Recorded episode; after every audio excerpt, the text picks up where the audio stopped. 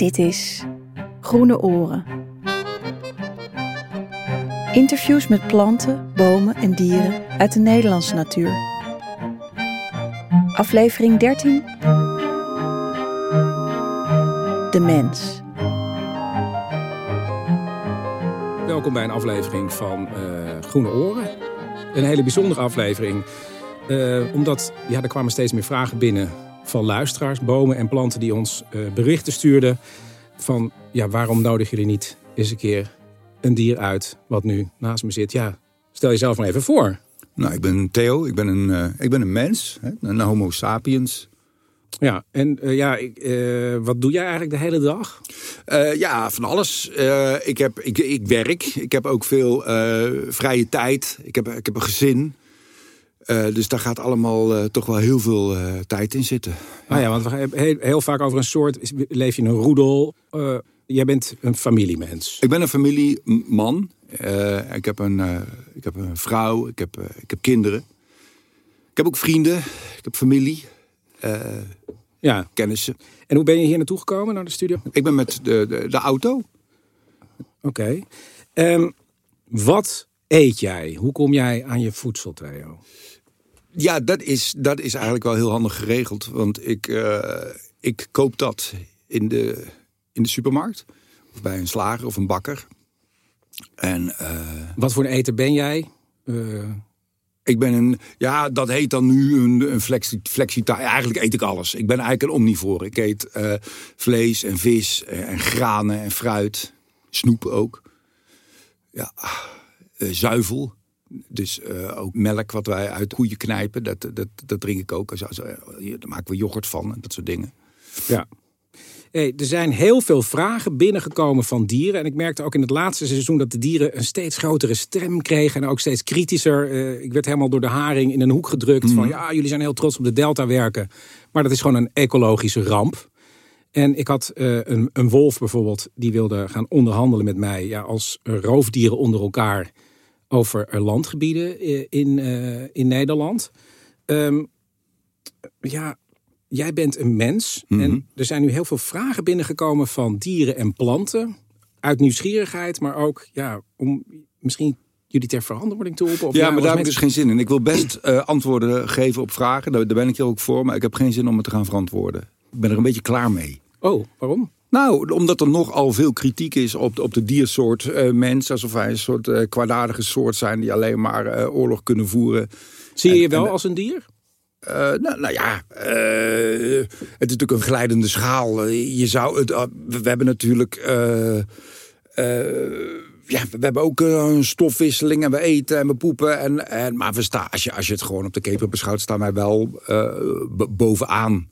Ik bedoel, dat is ook de reden waarom wij ook die, die wereld eh, eh, domineren. En ik denk dat eh, waar, waar dieren nou moeilijk over doen, is denk ik ook heel veel jaloezie. Want?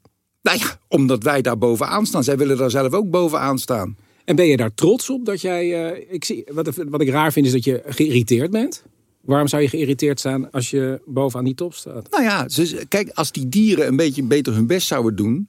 Hè, en, en, en in plaats van klagen, als ze diezelfde energie zouden steken in het, in het ontwikkelen, hè, in, in evolutie. Ja. Ik bedoel, als je ziet waar wij vandaan komen. Ja, uit, uit, uit de, de, de, de, prehistorie. De, de, hè, dat, we, dat we macht kregen over het vuur. Dat we, dat we hè, allerlei uitvindingen. wa- Waterleiding, stromend water. eh, ja, al die dingen. Tot aan de magnetron en, en, en de computer. We, we hebben ons ontwikkeld. Weet je, als ik dan naar een bever kijk. Denk, daar, is, daar is vrij weinig gebeurd de afgelopen duizend jaar. Hè, die zijn nog steeds bezig met dammen. Hè, en, en dat is het dan zo'n beetje. Maar, maar wel klagen over de delta werken. Ja. Snap je? ja, ik snap het wel een beetje. Maar je bent er als mens natuurlijk ook heel kort misschien op aarde om al zo'n grote mond eh, te hebben. Ja, maar het gaat het toch niet? Gaat het erover wie het, la- eh, het langst is? Is dat de wedstrijd? Nou ja, hier- ik krijg bijvoorbeeld een eh, vraag van Floris een Salamander. Die zegt, ja, jullie zijn pas heel kort op aarde. en toch zo druk met alles. Ik ben er 150 miljoen jaar, jullie 300.000 jaar. En ja, hoe vind je zelf dat het gaat, vraagt hij dan. Nou, laat die salamander zelf eens in de spiegel kijken. Laat hij zich afvragen hoe het gaat. Dat hij er 150.000 jaar is en, en nog steeds een salamander is. En dat zijn grootste prestatie is dat hij op zijn kop aan een plafonnetje kan, kan plakken. Wat, wat wij hebben verzonnen, hè? het plafond. Snap je? Snap je? Snap je wat ik bedoel? Maar kijk je dan, hoe kijk je dan naar al die dingen die de mens gemaakt heeft? Vind je dat dan bijvoorbeeld natuur? Nou ja, cultuur is misschien natuur uh, gemaakt door de mensen. Dat vind ik verder, verder niet zo boeiend. Welk woordje we daar geven. Maar ik vind het wel heel bijzonder dat dat allemaal eh, gebeurd is. Weet je? En, en dat nu, door deze podcast, die dieren opeens een manier hebben om hun ongenoegen te uiten. Weet je? En, en, en, en dan komen ze. Maar, maar waar, waar waren ze hiervoor? Ja, maar volgens mij is het niet alleen ongenoegen, maar is het ook iets dat ze, ze begrijpen de mens niet helemaal. Um, ik kreeg ook een reactie van een hazelmuis. Van ik zie jullie vaak alleen rondlopen. Terwijl ik het gezellig vind om met mijn bros bij elkaar te zitten. Ja, hoe zit dat bij jou bijvoorbeeld? Ik heb ook vrienden. Daar hang ik ook mee. Maar is de mens nou een groepsdier of juist niet? Ja, ik, ik denk wel dat wij groepsdieren zijn, ja. Misschien zelfs kuddedieren. Ja, dat geloof ik wel. Ik denk ook het, het succes van ons is denk ik ook te danken aan het feit dat wij in staat zijn om met veel mensen samen te werken. Kijk, ik, ik kan me je ook best wel kwetsbaar opstellen. Ik kan ook best wel vertellen. Kijk, wij, wij kunnen natuurlijk in wezen fysiek niet zo heel veel. Wij, wij hebben geen. Hebben geen klauwen, we hebben geen enorme spierkracht. Er zijn allerlei dieren die zijn sneller dan wij. Uh, we, we, hebben geen camouflage technieken of dat soort trucs waar wij het van moeten hebben is, uh, uh, dat zijn onze hersenen. En, en het vermogen om, om samen te werken. daardoor konden we destijds die, die sabeltandtijger in de val laten lopen. Kijk, fysiek uh, hebben wij natuurlijk geen schijn van kans tegen een tijger. Maar er zijn wel dierentuinen waar, waar, tijgers achter de tralies zitten. En, en, die roofdieren zijn nooit op het idee gekomen om, om tuinen te maken waar de mensen achter de tralies zitten. Ja, ja, het is ook wel leuk, want ik kreeg ook een, een reactie van een wolf, Karl Heinz. Uh, beste mens, waar is jullie instinct gebleven? Vroeger konden we nog lekker samen op jacht. Mhm. Eh, ik heb het idee dat jullie ontzettend soft zijn geworden. Ik krijg zelfs berichten binnen dat mensen geen vlees meer eten. Ik neem aan dat dit fake news is, zegt hij er dan ook nog bij. Dus aan de ene kant samenwerken, maar aan de andere kant heb je ook heel veel verloren volgens mij als mens. Uh, ja, maar dat, dat lijkt mij een, een logische consequentie van die, van die ontwikkeling die wij ondergaan. En op het moment dat je kiest voor iets, dan, dan valt iets anders af. En ja, en ja, ik heb daar ook mijn bedenkingen bij. Van, van dat wij uh, geen vlees meer eten, dat bijna niet. Hè? Ik bedoel, waar, waar gaat het heen? Bedoel, we dadelijk kauwen op niks meer. Weet je, verdwijnen onze kaken. Het is, uh, ja, wij, mensen zitten steeds, en, en daarom zou er ook een beetje uh, compassie moeten zijn met ons. We zijn eigenlijk altijd een beetje aan het wankelen. En we weten nooit precies welke kant het opwankelt. En dan wankelen we een bepaalde kant op en dan proberen we weer ons aan te passen aan die nieuwe omstandigheden. Dat is een beetje de kern van, van, van mens zijn. En dat is, dat is, dat is ook best moeilijk. Hè? Daarom zou ik ook willen vragen ook aan de andere dieren om daar ook niet te hard over te oordelen. Ja. Als we nou even inzoomen op uh, hoe jij je aanpast in je eigen leven. Want ik zag um, aan de bewegingen die we van jou hebben doorgekregen, dat je vanaf vrij jong mm. eigenlijk enorm aan het bewegen bent. Um, volgens mij binnen die familie over de landkaart. Ja. Dat geeft een heel onrustig idee. Terwijl ik dacht dat de mens eigenlijk gezetteld was. Inmiddels. Uh, ja. Hoe zit dat bij jezelf dan? Uh, bij, bij, mij is het zo, toen ik nog jong was, dat mijn vader uh, die kreeg een baan ergens anders in het land. En dan ga je als kinderen verhuis je mee. En dat, dat kan zomaar, uh, ja, dat, dat zegt dieren misschien niks, maar uh, 100 kilometer je verplaatsen. En dan ga je, ga, je, ga je daar wonen. En dan ga je daar proberen te, te settelen. En paste jij je daar heel snel dan weer aan in zo'n nieuwe omgeving? Ja, je, dat is de capaciteit van de mens. Ja, dat, dat, dat geloof ik ook. Ja, je, je, je moet wel. Het is of aanpassen of ja, of, of mislukken. Of, of het gaat, je, je, je, je moet wel. Je voelde, als je weer op een nieuwe plek was, ging je, ging je antennes aan. Uh, hoe gaat het eigenlijk? Nou, wat er eigenlijk altijd gebeurde, is dat je dan. Hè, als ik dat, dat de dieren het ook een beetje snappen, je komt dan eigenlijk in een nieuwe stam. En wat er bij mij altijd gebeurde, is dat ik altijd moest vechten. altijd moest knokken met het sterkste jongetje van de klas. En dat, dat je altijd op die manier werd, werd uitgedaagd. En als je dan, uh, je hoefde niet per se te winnen, maar als je niet bang was en je, en je kwam goed uit dat gevecht, dan, uh, dan, dan was het oké. Okay. als je een beetje kon voetballen en dan hadden ze wat aan je met het schoolteam of zo, dan, dan was het oké. Dus ik moest me wel steeds uh, opnieuw bewijzen. En dan ging het eigenlijk om die fysieke kracht. Ja, toen. Dus echt de dierlijke kracht. Toen, toen, toen, toen wel, ja. Misschien ook wel dat, dat ook gevoel voor humor daarin een rol speelt. Dat als je een grappige opmerking maakt of de leraar een keer voor gek zet of zo, dat dat ook wel. Dat je daardoor ook wel krediet krijgt en dat je dan wat pluspunten hebt. Misschien dat dat ook wel een rol speelt. Dus daar komt eigenlijk dan het denk kant van de mensen. Ja, want toen wij, wij hebben dat instinct, dat is wel interessant, dat die, was het de wolf die daarover begon. Ja. Um, dat instinct, daar zijn we denk ik ook wel, daar heeft hij wel een goed punt. Daar zijn wij misschien wel een beetje van vervreemd. Maar, maar wat daar wel een beetje op lijkt, is, is bewustzijn. wij kunnen uh, ja, ook met een soort helikopterview eigenlijk, dus van bovenaf situaties bekijken. En we kunnen erop inzoomen en de situatie inschatten. Dat is iets anders, denk ik, dan intuïtie. Ik geloof dat, dat de, dierlijke intuïtie, dan doe je eigenlijk meteen dat wat er moet gebeuren. Dan, doe je, dan, ben je ook, hè, dan schiet je ook altijd raak. En wij zijn wat meer, ja, wat meer aan het proberen, maar dat, dat aanpassen, ja, dat, dat is wel heel specifiek. Ja, maar zie je eigenlijk dat zelfbewustzijn als iets wat echt alleen bij de mens is? Ja, in die mate wel. Er zijn natuurlijk ook uh, nog een paar uh, mensachtigen en je hebt de, de, chimpansee en de, en, en de gorilla, die staan wel dicht bij ons. En als je dan die chromosomen bij elkaar gaat optellen, dan lijkt het helemaal niks eh, te verschillen.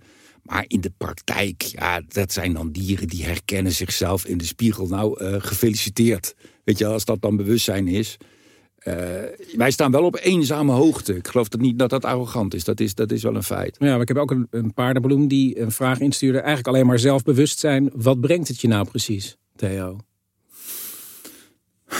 Uh, ja, dan wil ik aan de, die, die vraag wil ik graag terugkaatsen. Is een paardenbloem, is een, is een paardenbloem altijd gelukkig? Ik, ik zeg, ja, maar dat, ik zeg, dat is, vind ik dan wel opvallend. Dus je hebt het meteen over geluk. Ja, nou ja. Dat zelfbewustzijn heeft dus met geluk een, een gevoel te maken. Nou ja, een beetje dier wil voorplanten, maar het lijkt alsof jij, ja, jouw doel geluk is. Er is wel meer dan dat. Ja, nou ja, er is eerst natuurlijk, je wil, je wil existeren, je wil blijven bestaan, je wil, je wil overleven. Maar er is gelukkig meer dan dat. Ja, ja je wil gelukkig, zijn. Ja, ja maar hoe, hoe vaak ben jij gelukkig? Ja, verdomme, uh, hoe vaak ben ik gelukkig? Nou ja, dus je bent eigenlijk aan het benadrukken dat je heel vaak ongelukkig bent. Nee, we hebben ook een uitdrukking uh, en die heet uh, zijn gangetje. He, als, als mensen vragen, hoe gaat het met je? Ja, zijn gangetje. Zijn gangetje. Ja, dan kun, dan kun je wel zo kijken alsof dat iets, iets minderwaardigs is. Maar dat is, al, dat is soms al, dat is al heel wat. Ja, van daaruit maar waarom zijn gangetje? Dat is toch vrij ambitieloos als je nu naar de aarde kijkt, Theo? Wat, wat, wat die jullie helemaal... Uh, oh, die, ja. die weg. Ja, nou, nou zeg ja, het maar. De, nou ja. wat, de, de, oh, die jij wij, zegt, die wij maakt je zin af. Nou ja, ik krijg dus heel veel van dat soort reacties binnen. Eigenlijk precies van... Uh, uit dat wij reacties. het maar laten gebeuren. Ja, uh, ja, uh, sorry. Ja. Ja, wat, wat, wat, wat, moet ik hier nou mee? Dit is, dit is, dit is eigenlijk waarom ik de, dus helemaal geen zin had in dit gesprek. Hier was ik al de hele tijd bang voor. Dat, dat wij de schuld in onze schoenen geschoven krijgen. Maar bij het zelfbewustzijn komt schuld, Theo. Ja, nou, en daar probeer ik een beetje bij weg te blijven, ja. Ik, ik, ik, Luister, ik, ik, vind het ook lastig. Ik heb, ik heb je verteld aan het begin. Ik ben heel open geweest. Ik heb een vrouw, ik heb kinderen. Maar mijn kinderen. Eh, een mens wordt gemiddeld 80 jaar. Mijn kinderen worden misschien nog wel ouder, die generatie. Misschien wel 90 jaar. Dus die moeten nog 80 jaar. En ja, ik, ik vind het ook eng. En ik weet ook niet wat er gaat gebeuren in de toekomst. En ik weet ook niet... Hè, je hoort allemaal van die onheilsvoorspellingen... Uh, van zeespiegels die gaan stijgen. En, en de, de luchtkwaliteit. Uh, en, en ja, ik, ik, ik weet het helemaal... Maar, maar wat zeg jij dan bijvoorbeeld tegen je kinderen? Nou ja, eh, ik heb het daar niet zo heel veel over. Want elk, elk, we, we hebben dan eh, ook van die tijdschriften. Dat zijn dingen waar verhaaltjes in staan. En die kijk ik wel eens in van, van, van mijn kinderen. En daar staan al die dingen al in. Die worden al de hele tijd bang gemaakt over Maar de toekomst. Die krijgen hun dosis eh, ellende, krijgen ze wel. Ik wil daar liever niet iets aan, aan toevoegen. Maar dat is ook heel moeilijk van, van dat bewustzijn en van de tijd waarin we leven. Dat, ik, weet, ik weet niet zo goed waar, hoe ik daarmee om moet gaan. En dat is misschien omdat ik geen instinct heb. Dat is, dat is hartstikke lastig. Ik, ik, ik, weet het oprecht niet. Ik maak me en zorgen en ik wil. En, en soms ben je misschien ook wel gelukkig als je in staat bent om, om, die, om, die, om die afgrond even niet in te kijken. Ja, ja en, da, en, en dat is lastig. En daar hebben dieren, eh, die hebben daar geen last van. Die, die hebben dat niet. Die leven in het moment. En dat gun ik ze van harte. Dat is fijn. Maar, maar ga ons dan niet allerlei verwijten maken. Het is heel ingewikkeld om mens te zijn. Het is heel moeilijk om mens te zijn. Dat is het. Je zit altijd in de knoop. Want als je, als je het helemaal gaat. Als je het monster in de bek kijkt en je ziet wat we aan het aanrichten zijn. Nou ja, dan wil je als een soort lemming van een, Ja. van een rots afspringen. Dan denk je alles. Weet je dat alles, ook alles wat ik nu uitspreek. Dat, dat, dat, dat zorgt voor meer stikstofuitstoot. Ik kan het best mijn mond houden. Ik kan het best mijn mond houden en van een afgrond springen. Dat is, dat is de realiteit. En dat is een realiteit waar ik niet mee kan leven. Dus probeer ik dat ook maar een beetje te, te negeren, ja.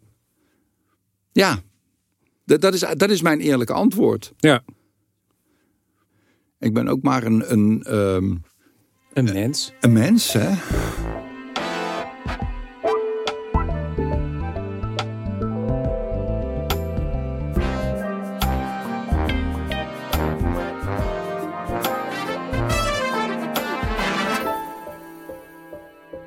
Ehm, Leopold, een zandhagedis, is hier eh, ook eh, te gast geweest. En die zegt, er is maar één ding belangrijk in het leven. En dat weet jij net zo goed als ik, Theo. En dat is seks. Dus, Mm. Want het gaat uiteindelijk om voortplanting. Ehm, hoeveel nakomelingen heb je? Nou, dat heb je net eh, gezegd. En ben je nog wezen paren de laatste tijd?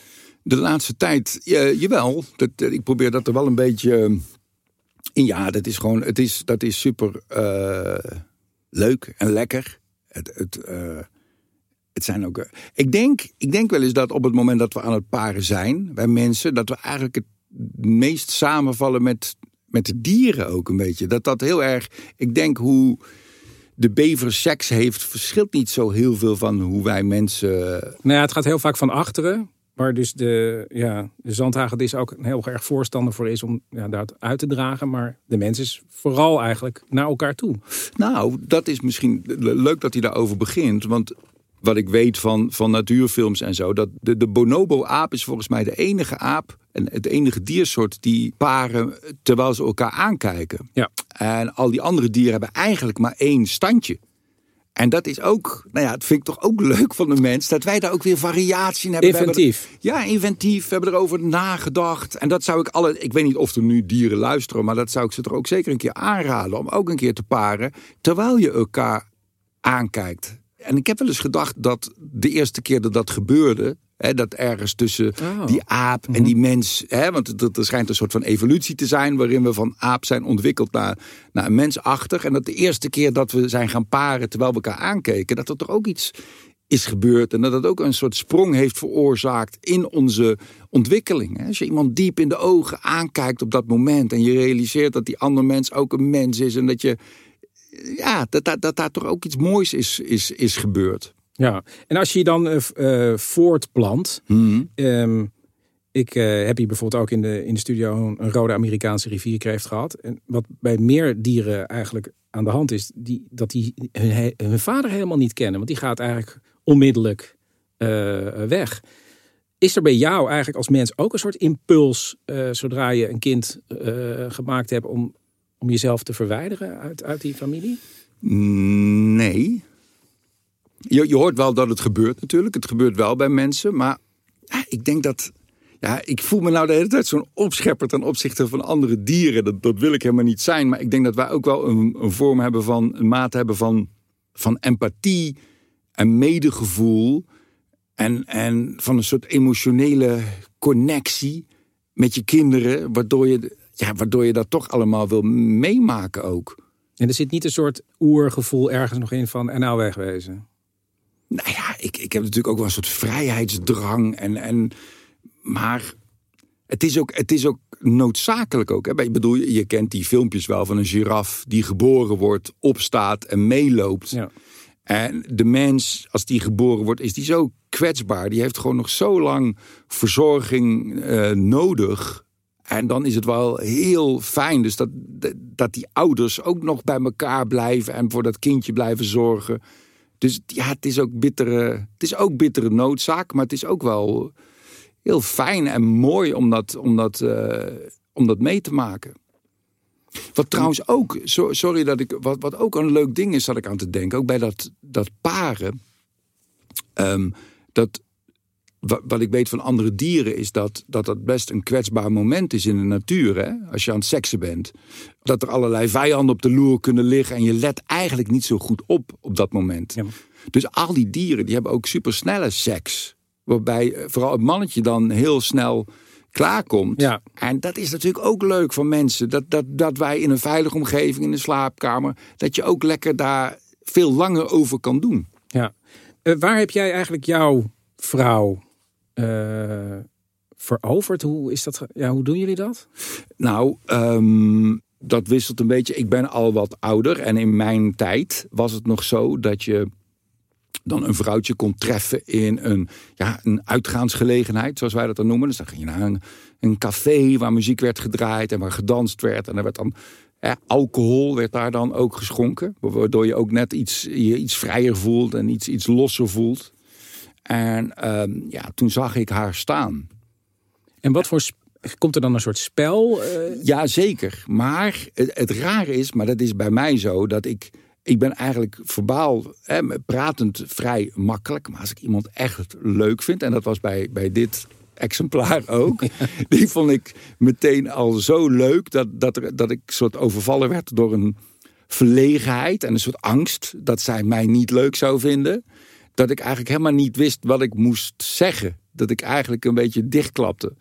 En toen heeft een eh, vriend van mij, die, die dat door had, als een soort wingman, die heeft eigenlijk mij geholpen. En die is met haar gaan praten, zodat ik wel in contact kwam met haar. En toen was ik niet eens in staat om, om aardig en leuk te doen. Toen deed ik ook nog heel bot en maakte ik stomme opmerkingen. oh.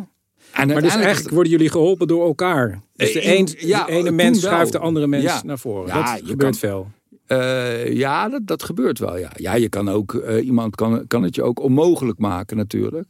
Ja. Er zijn ook wat zwanen die zich afvragen van... ja, zijn we nou allemaal, allebei monogaam?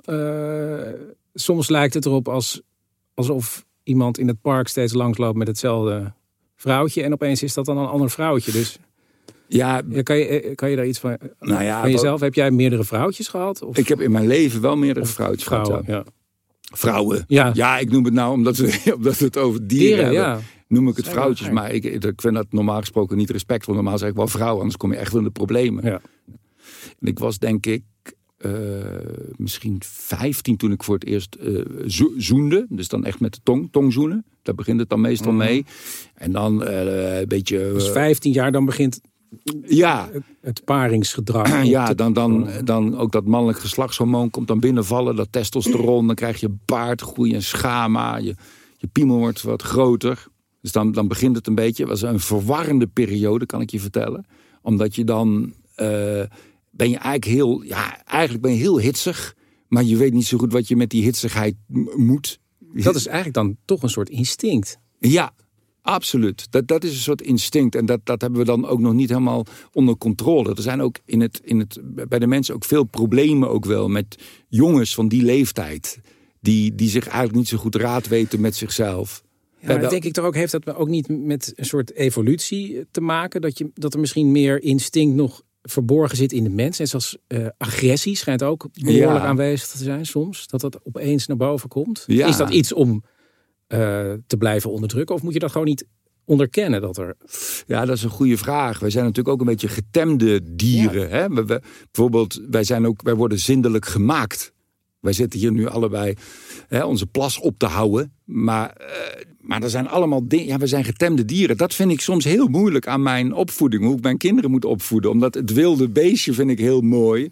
Maar dan kunnen ze ook niet functioneren. En dan worden het ook hele nare mensen. Maar ik vind dat, heel, ik vind dat een hele interessante vraag. En heel, heel moeilijk hoe daarmee om te gaan.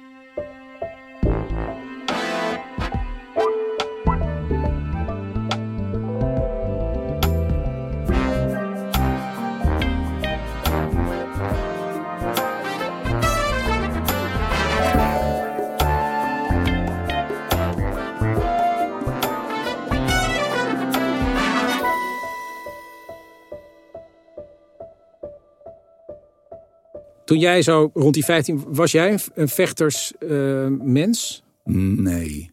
Ik heb wel eens gevochten, maar ik ben, ik, ben, ik ben geen vechter. Maar ik vind het bijvoorbeeld wel leuk om met sport bijvoorbeeld weer, om te winnen. Weet je wel, om, om, om mijn best te doen. En om, ik vind het ook leuk om te jennen en te plagen. En, en dat soort dingen wel. Maar, dat, dat, maar niet, niet, niet vechten. Ik, vind het ook, ik kan er bijna niet naar kijken, ook naar echte vechtsporten. En dat iemand op zijn Kan je bijvoorbeeld wel, hoe kijk je dan naar de natuur? Want dat is, is Ja, wel heel ik- populair om te kijken naar behoorlijk agressieve situaties in de natuur. Dat er Ja. gejaagd wordt. Ja, ik vind de natuur wel heel bruut. En met eigenlijk eh, meedogenloos ook. Het is daar gewoon het, het recht van de sterkste.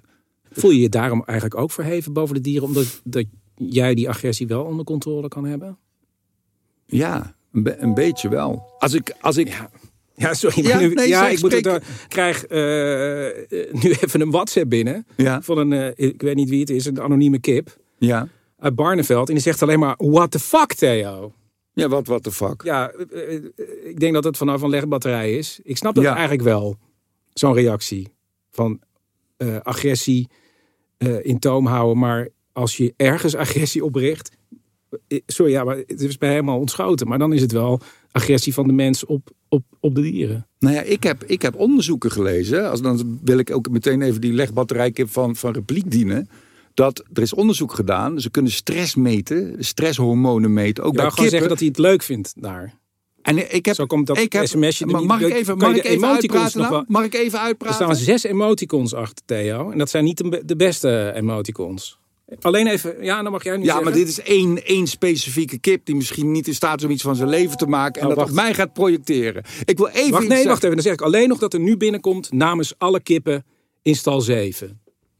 Ja, eh, ja, namens Nou, maar alle... zeg maar wat je... Maar kan denk ook je dat zeggen, die al kip die, het leuk al die- heeft in de natuur als die helemaal Ja, maar- vrij is? En die varkens dan? In al die, dus jij jij vindt het allemaal prima hoe er met die dieren wordt omgegaan? Je, snap je? Jij bent op zich een heel goede, goed exemplaar van eh, de mens zoals je die net omschreef. Maar wat zou, die, wat zou dat varken, wat zou die dan willen, idealiter? Er is geen alternatief van, oh, in de vrije natuur of door Amersfoort wandelen als varken. Dat, dat alternatief is er niet. En dat is best een moeilijke keuze. Wij moeten een beetje voor God spelen voor die dieren. Dat, en dat is, ja, dat is lastig. En dan, ja, dan, krijg, dan krijg je dit. Ja, ik voel me niet schuldig omdat, omdat varkens in stallen zitten. Ja, ik, ja. Ik, ik koop altijd biologisch vlees. Ja? Ja. Dus wat jou betreft kan het gewoon zo doorgaan. Nee, tuurlijk niet. Dat heb ik al gezegd. We zijn altijd aan het wankelen. En we moeten, we moeten de goede kant op, op wankelen. Nee, tuurlijk moet het. Het moet anders. Kijk, wat, wat eigenlijk het probleem is, maar dat is ook een hele lastige oplossing. Er zijn natuurlijk veel te veel mensen. Dat, dat is het echte probleem. Er zijn veel te veel mensen. En al die mensen die produceren afval. En die eten. En die drinken. En die poepen. En, en de, de, de grondstoffen in de grond en de lucht. En, en de, er- is te weinig. Ja, ja. Ja, maar, ja. ik heb ook een beetje gekeken naar die mensen. Wat mij dus opvalt, en heb ik het toch weer over dat enorme bewegen van die mens. Mhm. Eh, als, je dan, als ik dan heel erg naar die mens kijk, dan denk ik, ehm, kunnen ze dat bewegen wel aan? Ik denk dat bijvoorbeeld die hersens zijn gemaakt voor een kleine omgeving. Ik, zeg, ik zal maar zeggen, een dorp. Is het ook niet zo dat de wereld te groot is, dat, eh, dat, dat de mens die te groot gemaakt heeft, eh, dat, terwijl die het niet aan kan? Ja, dat is, dat is Nou ja, daar heb je een punt. Het, het moeilijke is natuurlijk dat wij steeds stappen zetten en dat we de consequenties niet kunnen overzien van wat we doen. Nou ja, omdat je, zolang die mens in zijn eigen kleine omgeving was het zelfvoorzienend, zou maar zeggen. En Ja. nu is het zo groot. En ik denk dat aan de ene kant dat misschien een probleem is, en aan de andere kant dat eh, vervolgens de mens zoveel info naar zich toe krijgt over wat er allemaal misgaat vervolgens, dat je dat helemaal niet aan kan. Nee, dat De wereldproblematiek. Je krijgt de hele wereldproblematiek op jou, terwijl je misschien gemaakt bent voor een omgeving van vijf vierkante kilometer. Ja, maar daarom zijn er ook nu ook best wel veel bij mensen, en, en zeker bij jongeren, zijn er ook allemaal eh, aandoeningen. Ook allemaal het zenuwstelsel moet dat allemaal bolwerken. Ja. Hè? Dat, is, dat, dat krijgt al die informatie binnen. Overprikkeling van het zenuwstelsel. Ja, het is zo. Het is, het is veel te veel. Maar wat zou, dan zou je dus eigenlijk, ja, wat zou je dan, dan zou je toch als mens gewoon weer terug moeten naar zo min mogelijk bewegen, minder mensen. Ja.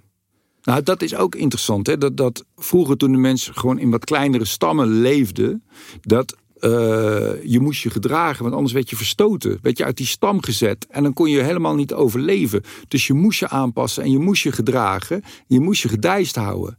Alleen nu, met steden en hoe wij het nu allemaal hebben georganiseerd, heb je die stam helemaal niet meer nodig. En staan wij, want dat is, we staan niet alleen los van de natuur, we staan ook los van elkaar. Wij zijn eigenlijk kuddedieren die geïndividualiseerd zijn, waardoor we kunnen doen waar we zin in hebben in ons eentje. En geen rekening hoeven te houden met andere mensen. Laat staan met, met bomen. Ja, maar ik heb het idee, jij weet dat zelf allemaal. Ja, Maar je weet, er heel goed, je weet jezelf er heel goed steeds uit te lullen Ja, door dat- er niks ja. aan te doen. ja. Hoe kijk jij bijvoorbeeld naar, naar de natuur? Ja, hoe, hoe kijk ik naar de natuur? Ehm, ja, ja. Wat is voor jou natuur? Ja, het, het wordt een soort, en dat is, ik, ja, nou, nou ga ik me toch een beetje schamen als ik het hardop uitspreek, maar het is natuurlijk inmiddels een soort mellow attractieparkje. Ik, hè, dan ga ik wandelen en dan ga ik naar een natuurgebiedje, wat ook is aangelegd door de mens, maar dit terzijde. En ja, en er is dan een of andere biologische boerderij waar het een beetje naar, naar, naar poep stinkt. En, en wat, wat grasland, en dat is het dan. En ik maak eens een wandeling door een bos. Maar dat is zoals mijn kinderen naar de Efteling gaan. Het, is, ja, dat, dat is het. Het is wel, eh, ja, Voel jij je als mens, we maar zeggen, onderdeel wel van die natuur? Nee, niet echt. Soms wel als ik erin vertoef, wel. Maar ik woon zelf in een stad. En dan, dan nee, ik heb een tuin. en dat is het. In, Maar het lijkt alsof je gewoon helemaal geen connectie weet te maken met die natuur. Want ik, ik, ik heb hier ook nog van Johan, dat is dan een beuk. ja. Ehm, die zegt ook, ja, ik zie in de afgelopen tijd dat jullie de samenwerking met de natuur uit het oog zijn verloren. En nu dreigen jullie ook nog jezelf uit te roeien. Hoe denken jullie dat te gaan oplossen? Ja, ja ik, ben, ik ben er een beetje stil van. om- Omdat, omdat ik denk, dat, dat- ja, je, je komt nu wel, we komen nu wel ergens. Dat, dat, dat is natuurlijk ook lastig, van dat wij allemaal van die praters zijn. En dat je moet, we hebben ook gezegd, geen woorden maar daden. En wij proberen ons natuurlijk de hele tijd eruit te lullen. Ja, misschien wel virtuoos op zich. Ja, Eh, dat, eh, dat kan natuurlijk. het gaat, dat is zo moeilijk, man. En, en ja, omarm is een boom, zou je, zou je zeggen. Nou, ik hou wel veel van bomen. Ik, ik weet, ik kan het verschil, en ik wil ook mijn excuses aanbieden aan de beuk. Ik kan het verschil niet zien tussen een beuk en een eik. Eik. Ik ken al die woorden niet, maar dat weten die bomen zelf ook niet precies volgens mij. Want weet wat je het mooie is? Ik heb dus ook gesproken met eh, bijvoorbeeld eh, een vliegenzwam. Ja, En die maakt gewoon connectie met bomen. ja, Die werken samen. Die helpen elkaar. ja. En ik, ik heb het idee dat er niet bij jou als mens niet echt een samenwerking is, maar meer steeds. eh, What's in it for me? ja. Ja. Nou ja, misschien is het daarom ook wel goed dat, dat we een kant op gaan. Het moet vaak eerst slechter worden voordat het beter wordt. Hè? Ja, zal ik even zeggen waar dat zelfbewustzijn van de mensen uiteindelijk uh, toe geleid heeft? Dat er een top 5 is van bedreigingen, Ja. waar ze zelf eigenlijk ook de oorzaak van zijn, min Ja. of meer. Dus klimaatverandering, achteruitgang van de biodiversiteit, belangrijke ecosystemen, extreme weersomstandigheden, heeft weer te maken met die klimaatverandering, voedselonzekerheid, wat ook natuurlijk vrij gênant is, Theo. Ja, er zijn ook een hoop dieren die daar last van hebben. Dat is eigenlijk heel. Heel veel dieren hebben natuurlijk last van. Dat vind ik een beetje een raar voorbeeld. Die hebben last van voedselonzekerheid. Dat is een beetje basis van, van leven. Toch? Even nog de laatste, de afnemende zoetwatervoorraden. Maar Ja. je, het is gewoon, uiteindelijk begrijp ik survival of the fittest. En jij koopt je eten, blijkt gewoon ergens en dan. Maar ja, ik vrees, ik vrees dat, dat nou ja, de, de natuur is survival of the fittest. Die bomen in het bos zijn ook allemaal aan het knokken voor het meeste zonlicht. Dat, dat is een beetje de hele basis van waarom er leven is. Omdat er een drang is, omdat er een wil is tot leven blijkbaar. En dat hebben wij ook. En wij kunnen dat maskeren met een hoop mooie praatjes. Maar ik, ik heb juist het idee dat we daarin. Want je, je maakt het een beetje sentimenteel van de vliegenzwam en de boom die zo mooi samenwerken. Maar dat is ook alleen maar omdat het hen zelf goed uitkomt. En eh, ja, wij, wij zijn in die zin zijn wij ook gewoon niet beter of, of, of slechter dan een vliegenzwam of dan een beuk of dan, dan een vos. En dat zou je ons kwalijk kunnen nemen. De pretentie dat we wel, die ik ook een beetje heb, de pretentie dat we wel bovenaan staan en beter zijn. En misschien moeten we concluderen dat dat, dat, dat, dat, dat niet zo is. En dat is wel teleurstellend, want je zou zeggen dat het bewustzijn en dat vermogen om het. Wij, wij- zien de ramp zich voltrekken en tegelijkertijd laten we het gebeuren. Dat is, dat is niet fraai. Daar ben ik het helemaal, helemaal mee eens. Maar toch suggereer jij dat als de nood aan de man is, uiteindelijk, dan ko- ko- kom je als mens in actie. Ja, of niet eens. Maar het is nu al te laat, lijkt het. Ja, ja, ja. Maar dat is ook het linken van wij zijn natuurlijk ook zo. Het is ook de hele tijd zo. Nou ja, dat lijstje wat je ervoor le- leest, er is ook zoveel alarmisme. Er is zoveel paniek steeds. Dat, dat, dat, mij helpt dat ook niet. Dan denk ik, ja, het is toch, het is toch al te laat. Wat zou jou helpen dan? Vraag me, wat zou jou helpen? Ja, Als is- je, wat- je kan het niet meer aan, ja, en dan is- dus schrijf je het weg. Maar wat, wat, Weet- wat, weet je wat ik een van de- wat, wat is er bij jou nodig als Ja. een van de soort mens? Om, Het, het raarste van mensen vind ik dat, dat wij eh, steeds minder mensen, maar heel veel mensen roken. Die, die zuigen giftige, kankerverwekkende rook naar binnen door, door sigaretten. En ik heb wel eens foto's gezien van, van longen, hoe die eruit zien van rokers. Dat zijn echt verbrande, opgefrommelde kranten, die longen. En als je toch zo'n foto één keer zou zien, zou je denken: ik stop onmiddellijk, de- onmiddellijk met roken. Maar nee, mensen gaan door met roken. Dan heb ik al eens gedacht van stel nou dat je oogwit zwart wordt in plaats van je longen. Zou je dan stoppen? zou je dan stoppen? Wanneer stoppen mensen met roken? En mensen kuchen, je hebt rokershoesjes en mensen gaan door. En ik vrees dat wij als mensen ook verslaafd zijn aan het aan genot. We zijn verslaafd aan suiker. We zijn verslaafd aan, aan, aan, aan Aan meer. videogames. Aan Meer, meer, meer, meer. Ja.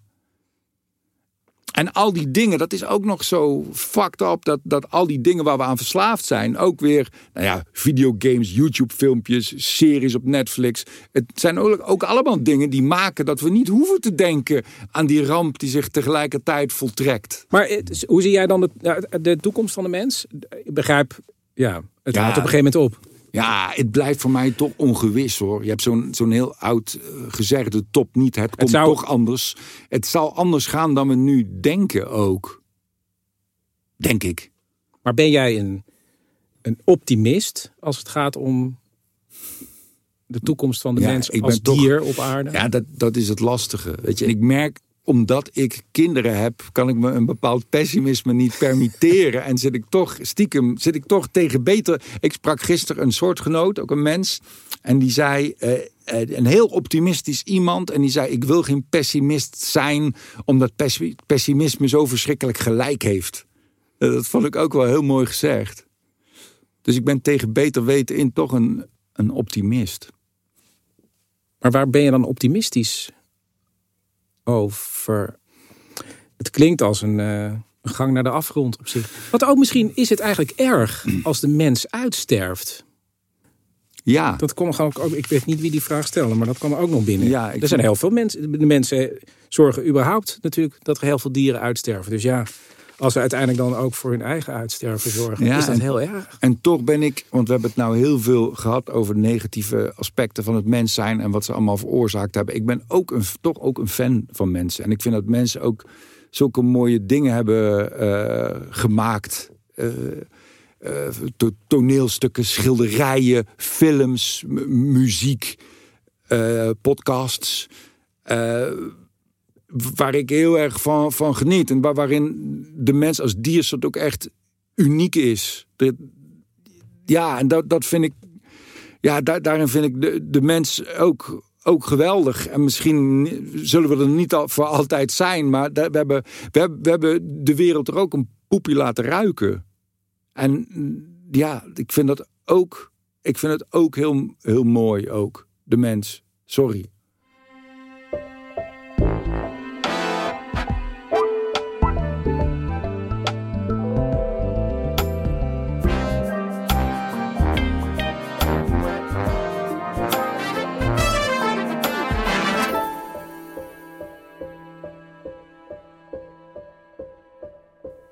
Staat de mens eigenlijk nu aan, op, zijn hoogtepunt, denk je, van zijn soort zijn?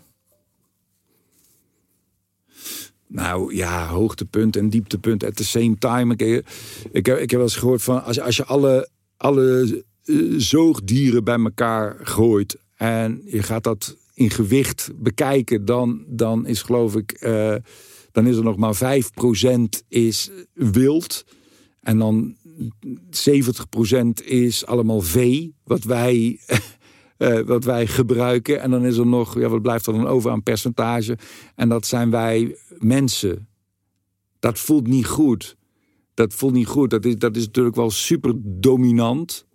Maar eh, er is geen sprake van balans. En eh, dus qua dominantie denk ik wel dat we op ons hoogtepunt zitten. Dat gaat niet veel verder, want hè, dan zijn de consequenties dusdanig dat we geen frisse lucht meer hebben om in te ademen. Ik heb wel eens gedacht dat we moeten aangevallen worden door een buitenaardse intelligentie.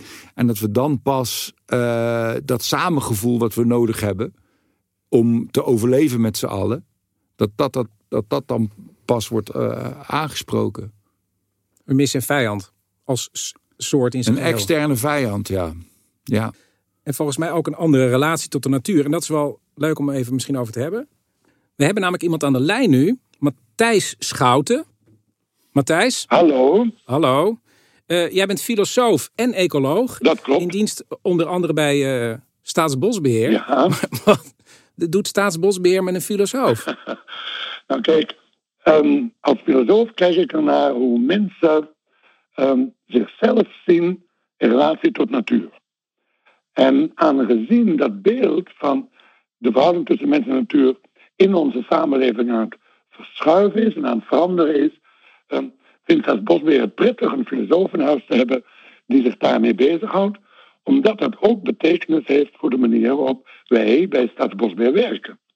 Ja, nu is het zo dat ehm, ja, Theo ziet zichzelf als soort eigenlijk ver verheven in eerste instantie hoor. Boven alles eigenlijk in de natuur. Eh, staat on top of things. Ja, Ehm, heeft zichzelf als mens ja, eigenlijk min of meer in de nesten gewerkt. Want is zijn relatie met de natuur helemaal kwijt. ja. Ehm, wat, wat zou er met die relatie mens en natuur eigenlijk eh, moeten gebeuren? En hoe kan het eigenlijk dat de mens zich verheven voelt boven de rest van de natuur? Nou ja, het grappige is dat dat eigenlijk alleen maar een aanname is. Het idee dat wij als mens boven de natuur staan, ja, dat is maar een gedachte. En die gedachte is in onze cultuur opgekomen, ja, meer dan 2000 jaar geleden, in de klassieke oudheid, bij overigens filosofen die in steden woonden. Dat vind ik altijd heel interessant.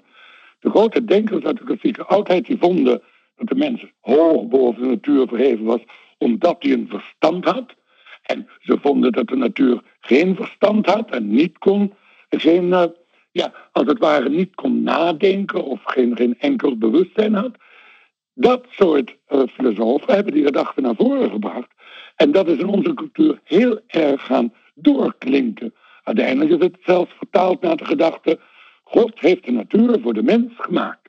Er is ooit, ooit zelfs een een grote wetenschapper geweest in de 17e eeuw in Engeland die schreef: God heeft de runderen geschapen om biefstukken vers te houden voor menselijke consumptie.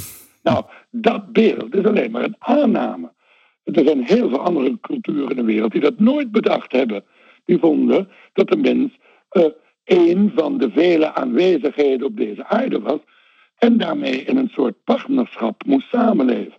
Ja, maar Matthijs, wat ik zie als probleem voor figuren als bijvoorbeeld uh, Theo. Ja. Is dat er misschien andere culturen zijn over de wereld die een ziel zien in een steen. En die knuffelen met bomen. Maar de westerse mens, zoals Theo er een is, die is daar helemaal niet voor geschaad. Die, die, die kan daar niet mee omgaan. Nou, in de eerste plaats zou ik al nooit zeggen knuffelen met bomen. Oké. ik zou zeggen die respect hebben voor andere levensvormen. Nee, Theo heeft dat nooit geleerd. Theo is eigenlijk al vanaf zijn kindertijd... Uh, heeft hij voortdurend te horen gekregen dat hij boven alles staat... en dat de natuur van en voor ons is... en de natuur eigenlijk alleen maar een verzameling van bruikbare dingen is... Nou, Theo moet dat gaan afleren. Ja, maar hij ziet zichzelf ook als een succes. Hij, vindt zichzelf, hij vindt zichzelf volgens mij eigenlijk het grootste succesnummer van de natuur in de hele evolutie. Nou ja, uh, hij vindt zich een groot succesnummer van de natuur, die als hij zo doorgaat, over, uh, uh, nou ja, laten we zeggen, een eeuw misschien wel niet meer bestaat. Ik noem dat geen succesnummer. Nee, maar hoe kan Theo, zal maar zeggen, weer een relatie krijgen met de natuur? Want ik zie, ik zie ja, ja het is jammer dat het, maar ik zie heel veel weerstand ook. Bij Theo? Hij, hij, praat heel veel, hij denkt heel veel, maar hij voelt heel weinig eigenlijk, als ik heel eerlijk ben. Ja, ja, dat is het punt. Hij moet misschien wat minder denken en wat meer gaan ervaren. Wat ik uh, Theo zou aanraden is uh, zeer regelmatig gewoon naar buiten te gaan. En dan ergens in een bos of op een hei te gaan zitten. En dan niet te veel na te denken over zichzelf en over de hei. Maar gewoon eens te kijken, te luisteren, te ruiken. En dat een tijdje lang te doen. En dan zal hij ineens ervaren dat hij omgeven is door allerlei levende aanwezigheden. Die er ook mogen zijn.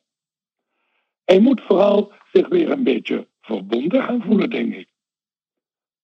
Want uh, uiteindelijk, door voortdurend te denken dat hij er buiten staat en er boven staat, heeft hij zich wel een beetje alleen gemaakt en afgescheiden van de wereld ja. om hem heen. En dan vind ik het dus heel raar dat hij zichzelf en velen met hem toch nog als een optimist ziet.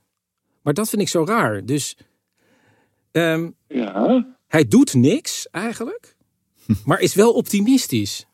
Wat? Help hem. En waar is hij dan optimistisch Ja, weet ik, dat weet hij zelf niet eens. Nou, Theo, eigenlijk over de, de inventiviteit van de mens. Dat, en als het erop aankomt dat we toch iets bedenken of iets, iets de- dat het dan wel lukt. Als de, als de nood het hoogste is. Matthijs, ik denk dat dit een bepaald type mens is ook, hè, voor jou als filosoof. Ja, dit, dit, is, dit is het type mens, dat noemen wij in de, in de filosofie ecomodernisten. Dat zijn mensen die denken, nou, met techniek en innovatie en wetenschap lossen we het probleem wel weer op. Nou, in het verleden hebben we ook heel wat problemen kunnen oplossen. Maar ik denk dat de problemen nu zo groot geworden zijn. Denk aan de klimaatverandering en achteruitgang van, van de biodiversiteit. Ehm, en die over de hele wereld. Dat we dat niet zo makkelijk meer alleen met techniek, wetenschap en innovatie oplossen. En dat we, eh, en dat is het allerbelangrijkste, onszelf anders moeten gaan zien in relatie tot de natuur. Eigenlijk moeten we ons, gaan afvragen, wie denken we nou eigenlijk wel dat we zijn? En daar ben ik wel optimistisch over, want ik zie op allerlei plekken eh, in de wereld, maar ook hier in Nederland, dat mensen zich die vraag aan stellen zijn. En zich afvragen, nou wacht even, we hebben altijd gedacht dat het allemaal van en voor ons was. Eh, is dat eigenlijk wel zo? We hebben hier in Nederland nu een ambassade van de Noordzee. Die probeert de Noordzee tot een rechtspersoon te maken. Nog, eh, nog geen eh, twee maanden geleden is in eh, Spanje een hele grote binnenzee tot rechtspersoon gemaakt. En de mensen die eromheen wonen zijn nu de voogden. Maar is het ook niet een beetje raar om zeg maar zeggen, een, een menselijke oplossing als een rechtspersoon op natuur te gaan plakken? Dan ben je toch eigenlijk ook weer een hele schimmige weg aan bewandelen? Nou ja, het is helemaal geen schimmige weg. Want kijk, in, onze, in ons denken ehm, is, een, is een rechtspersoon iemand die wil en handelingsbekwaamheid heeft. Daarom ben jij een rechtspersoon, daarom is Theo een rechtspersoon, daarom is Staatsbosbeheer een rechtspersoon, daarom is Shell een rechtspersoon.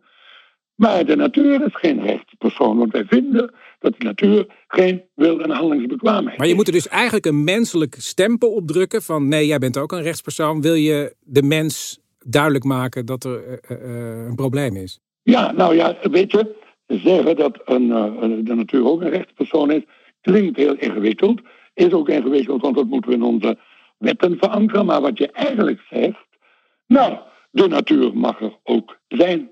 Die heeft ook recht op bestaan. Die is er niet alleen voor mij en voor ons. En dat, denk ik, is wat fundamenteel moet veranderen. Dat wij naar de wereld om ons heen kijken en denken: hé, hey, want ik hoorde net een merel zingen. Dat ik niet denk: fijn, die merel zingt voor mij. Maar dat ik denk: ja, die merel mag er ook zijn. En uh, is er nog tijd genoeg om. Uh...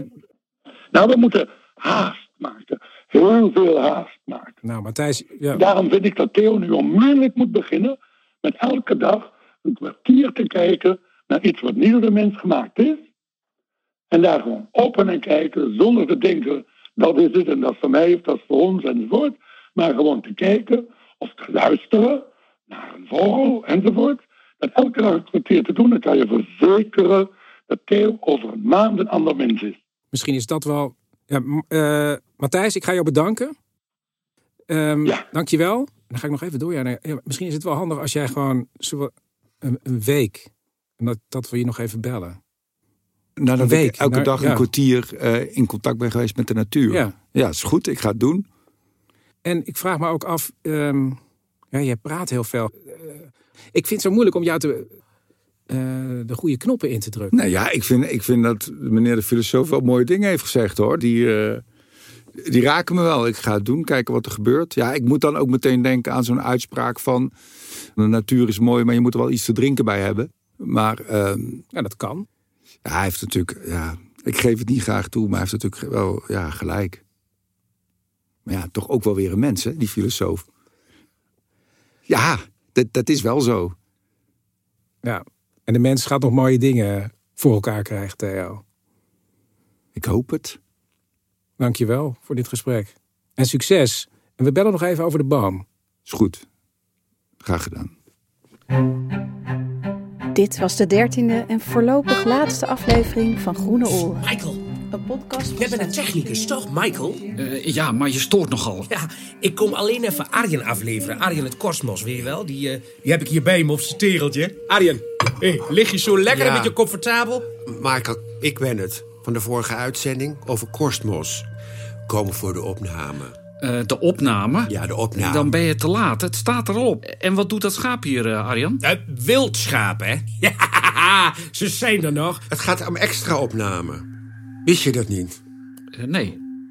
Nou, eh, we hebben een liedje geschreven. En eh, dat gaan we opnemen. En eh, dat gaat een hit worden.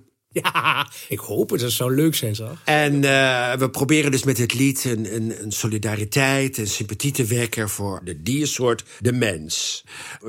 Jullie te helpen dat jullie er niet alleen voor staan. En als ik dan zo naar die Theo luister, die zegt: "Wel, We zien wel dat het misgaat, maar we doen niks. Alleen een aanval van een buitenaardse intelligentie kan ons nog redden. Dan denk ik: Ja, hallo, hier ben ik. Ik ben die buitenaardse intelligentie. En ik ga helpen. Met een koor, met een lied. En eh, het is de bedoeling dat alle planten en, eh, en dieren langskomen en meezingen. En dan gaat dan de hele aardkloot over. En dat gaat dan helemaal... Hi. Hi. Eh, sorry dat ik, dat ik stoor, maar ik, eh, ik ben dus op zoek naar dat koor. Want ik wil zo graag meedoen aan die actie. Fijn. Eh, sluit je aan, help de mens. Ja. Maar waar moet ik zijn? Beneden. Oh, oh nou, dan ga ik daar ook naartoe. Goed zo, ik zie je later. Zo, hè? Ja, Tot tot zo. zo. We hebben er zin in, hoor. Dag, prachtig beest. Leuk, hè? Ja. Ja. Boommarter. Je ziet ze niet vaak. Zullen we even wat vocale oefeningen gaan doen, Arjen? We gaan zingen. Ja, ik heb er zin in, hoor. En neem jij mij gelijk mee? Dus Michael, jij plakt dat liedje straks achter die uitzending van Theo. Dan is het niet allemaal zo negatief en in mineur. Oké, dat gaan we doen. Dan ga ik je optillen. Niet schrikken. Ik pak die tegel op. Daar gaan we, Arjen. Ja, ja. Nog een beetje inzingen.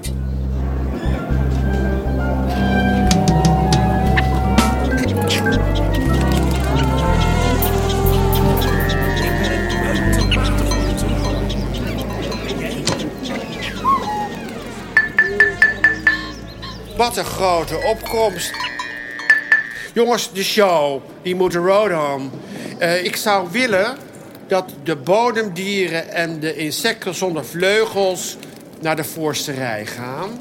En de meerjarige planten in de bakken naast elkaar bij de heesters. Kan dat? Klaar? Blij? Nou, dan kunnen we beginnen. Mm, mm, ja, ja.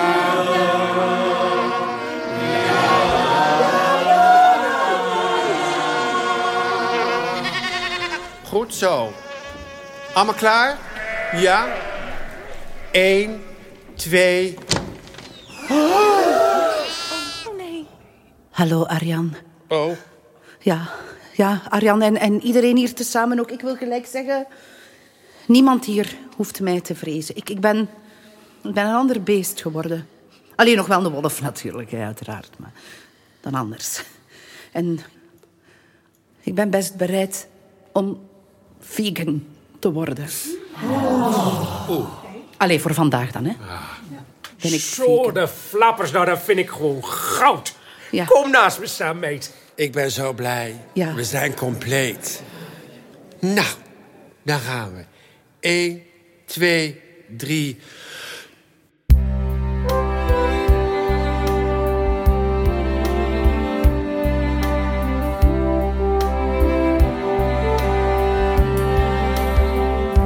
Ik zie je staan, ik zie je gaan. Met al je mooie dromen. Wat je verwacht van je leven op aarde. Een beetje comfort, liefde en warmte.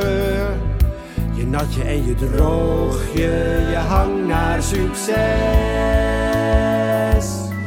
Maar jouw einde is nu in zicht. Voor de korte termijn ben jij gezwicht. Hoe zal het je elders vergaan?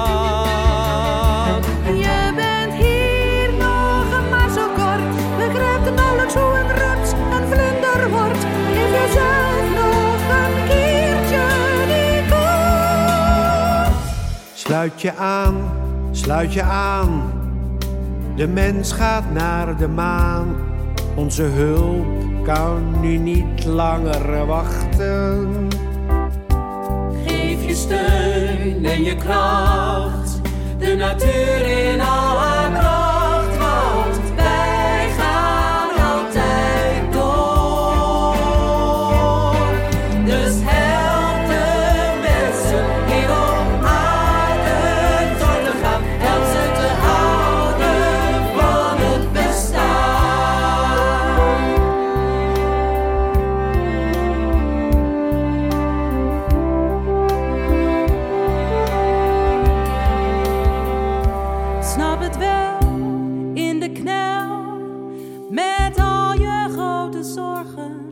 Wat je kopen zal en wel of niet moet doen. Welke kleur, welke geur, welke kleren deze morgen. Wordt je club dit jaar nou eindelijk kampioen?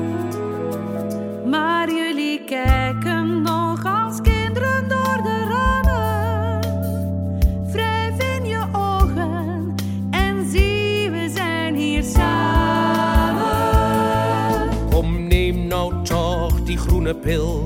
En zie dat echt alles wat jij wil al in de zeeën en bossen bestaat. Je bent hier ook nog maar net. Ik denk niet dat jij het in je eentje redt. Geef jezelf nog een keertje die kans. Sluit je aan, sluit je aan. Onze hulp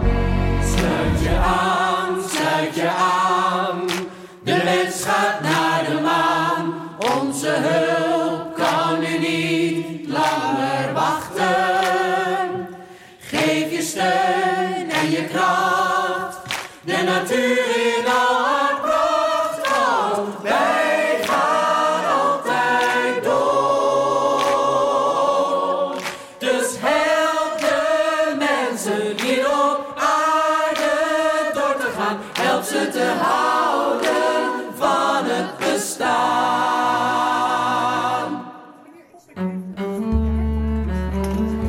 Ja, wat een dag, mensen.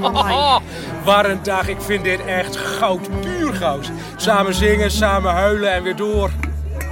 Nou, ik ben Monique, Monique de Mug, een Haarlemse mug. En eh, ik vond het heel belangrijk om hier te zijn. Want eh, ja, ik weet dat de mensen niet van mij houden.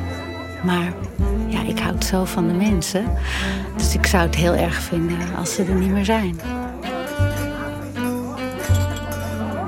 Er is wel echt iets schoons gebeurd. Nou, dat kan je wel zeggen, ja. En in, Ja, in de pauzes raakten wij echt aan de praat. En we dachten, waarom altijd maar die vijandigheid? Ja. Het is nog maar het begin, toch? Dit wordt gewoon een hele movement. Help de mens. Ik zeg tegen Yves, wij boeken een kamer in het Hilton... en we gaan een week samen in bed liggen. Interviews geven, weet je wel. Peace voor iedereen. Oei, wacht, wacht nee, Rob, Robke, je gaat wat te rap, hè. We hebben het hier over gat en, en thuis wacht Walter. Nee, dat- Mijn Walter en mijn Welkes. Ja, nee. En ja, nee. Ja, nee, ik snap het. Het gaat ook natuurlijk gewoon om het goede doel. Hè. Dat, is, Ja. dat is het allerbelangrijkste. Dat is het belangrijkste. Daarom krijgen we er dus ook geen vergoeding voor. Ja, alleen de reiskosten, dat dan weer wel. Ja, we- Weet jij toevallig waar het formuliertje ligt, wat we daarvoor moeten invullen? Ja, toen ze me belden van... Luca, wil je meedoen met deze actie? Zei ik eigenlijk meteen ja. Kijk, als boomarter zijn we vooral bezig met onszelf de hele godganse dag. Of je wel genoeg rupsen, bessen, kikkers te eten hebt... en of je holletje wel droog genoeg is. Zeg maar die kleine dingetjes van het leven.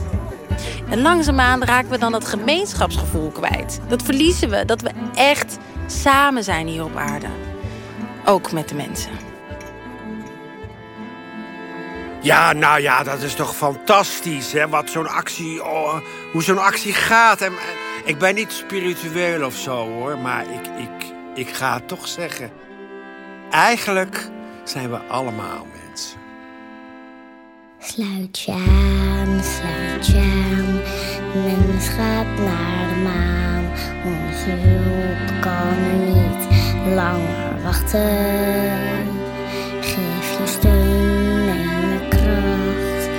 natuur in haar pracht, want wij gaan altijd door. Dus help de mensen hier op aarde door te gaan. Help ze te houden van het bestaan.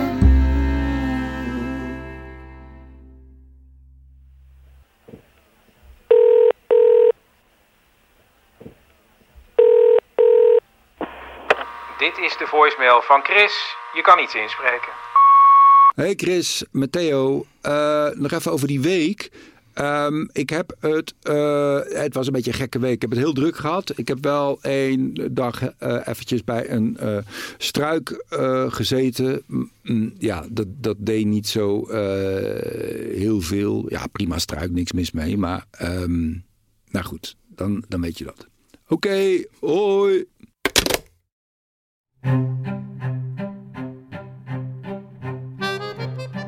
Dit was de dertiende en voorlopig laatste aflevering van Groene Oren.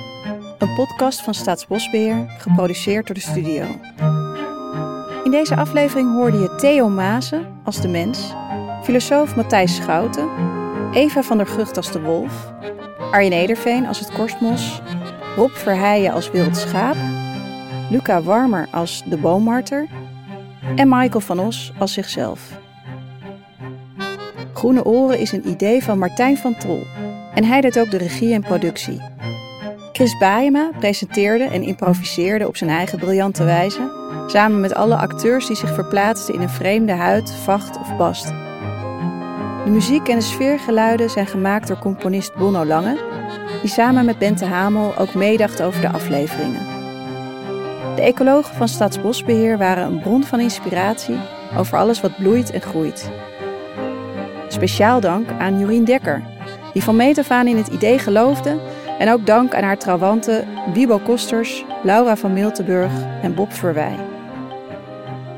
Het lied Sluit je aan is gecomponeerd en uitgevoerd door Bonno Lange, die de liedtekst schreef samen met Martijn van Tol. Het koorarrangement is van Wiebe Gotink en hij zingt ook mee. Als solisten hoorde je Arjen Ederveen, Luca Warmer, Eva van der Gucht, Rob Verheijen en Bente Jonker. Andere stemmen zijn van leden van het koor Noorderlicht en Kleinkoor Amsterdam. En Ronja Petkoff is de stem van de jonge generatie. De opnames waren in handen van Michael van Os en Bas van Melis in de vertrouwde Desmet Studios in Amsterdam. Chris Weda deed de mixage van het lied en Arno Peters, zoals altijd, de eindmix. De illustratie is van Floor Rieder en ik ben Bente Hamel. Groene Oren is geïnspireerd op de Amerikaanse podcast Everything is Alive. En wil je meer weten? Ga dan naar staatsbosbeheer.nl slash mens.